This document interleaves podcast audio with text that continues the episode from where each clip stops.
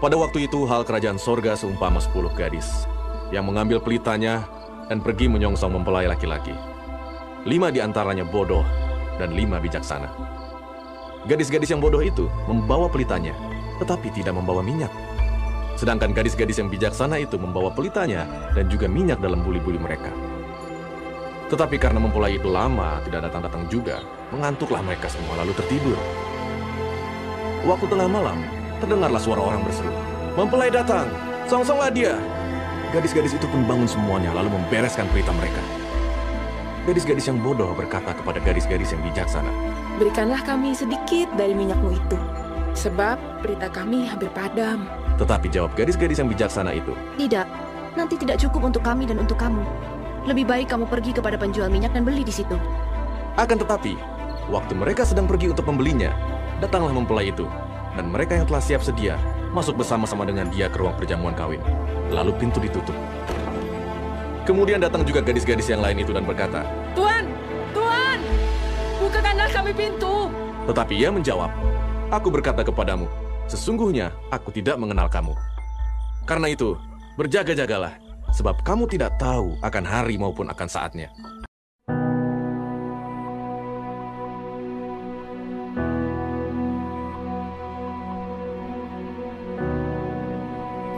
Selamat pagi saudara kasih Tuhan. Pesan firman Tuhan bagi hari ini Akan saya berikan teta judul Jagalah pelita hatimu dan persediaan minyakmu Apa yang dimaksudkan dengan pelita saudaraku ya? Dalam Amsal eh, 20-27 dikatakan bahwa roh manusia adalah pelita Tuhan Yang menyelidiki seluruh lubuk hatinya.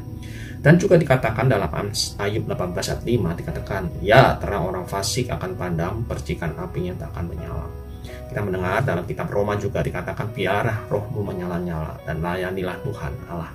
Dari sini kita melihat bahwa yang dikatakan yang dimaksud dengan pelita itu tidak sekedar uh, sebuah perumpamaan yang tanpa arti, tetapi kita bisa memberi makna bahwa pelita itu adalah roh manusia atau manusia batiniah kita. Apa yang membuat pelita itu menyala adalah minyaknya. Nah, minyak di sini menggambarkan ditafsirkan sebagai pengurapan Roh Kudus. Dalam konteks yang kita bicarakan ini, ya, kalau kita punya kehidupan yang intim dengan pribadi Roh Kudus, maka ada aliran-aliran kuasa, urapan, damai sejahtera, kasih yang cukup buat kita, ya. sehingga iman kita tetap terjaga, pengharapan kita tetap menyala. Nah, lima gadis yang bijaksana, kata bijaksana dalam bahasa aslinya prodimos. Prodimos artinya dia bijaksana, yang kedua punya arti cerdik, yang ketiga berpikiran sehat. Bukankah hari-hari yang kita jalani saat ini, saudaraku, di tengah pandemi COVID yang terjadi, kita harus bijak dalam menjalani hidup ini, saudaraku. Kita harus cerdik dan kita harus bisa berpikiran sehat. Dalam arti, kita harus tahu prioritas utama adalah membangun hubungan intim dengan Tuhan, ya, persekutuan dengan pribadi Roh Kudus, karena itulah sumber kekuatan kita hari-hari di dunia menawarkan kepada kita begitu banyak tawaran-tawaran setiap hari di medsos ya, kita ditawarkan begitu banyak tawaran dunia yang menarik hati kita ya. Tidak ada yang salah dengan itu kalau kita tahu prioritas yang benar dan bisa bijak mengelola semuanya itu nah kata bodoh dalam bahasa aslinya itu dituliskan dengan kata moros artinya memang bodoh tolol dungu. Nah, kata moros sendiri itu bersumber dari akar katanya itu Osterion yang artinya rahasia artinya terselubung bersembunyi dalam konteks kaitannya dengan uh, perumahan ini dikatakan bodoh, dungu, dan tol karena dia terselubung atau tersembunyi diselubungi dis, uh, untuk bisa berpikiran sehat untuk bisa bertindak bijak akal budi pikirannya hatinya terselubung ya. dalam Yakobus 4 ayat 3 sampai 12 ya ada tiga hal penting yang membuat nyala berita itu memudar.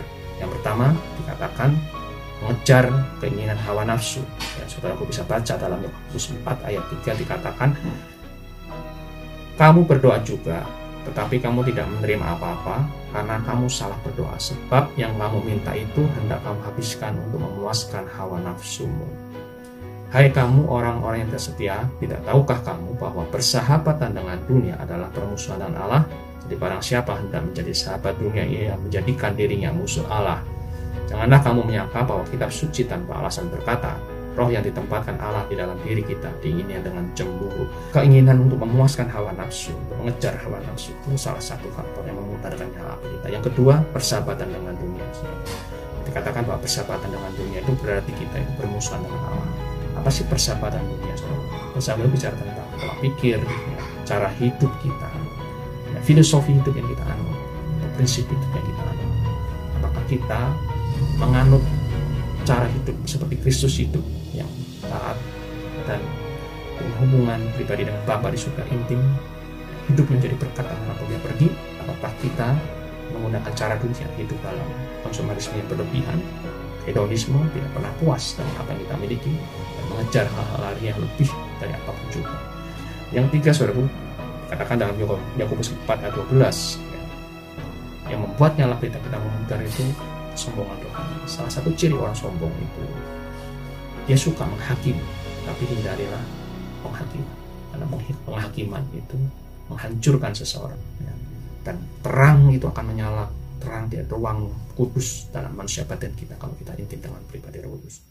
Bicara tentang tetap kuat dalam pengharapan, ya dalam masa sulit tidak bisa lepas dengan keintiman dengan pribadi roh kudus Ya, ayo terus bangun, tetap semangat, ya, terus miliki pengharapan, pelihara imanmu. Tidak ada jalan lain kecuali membangun keintiman dengan pribadi Roh Kudus, sang sumber pengurapan, sang pemilik minyak itu. Ya, Tuhan Yesus memberkati.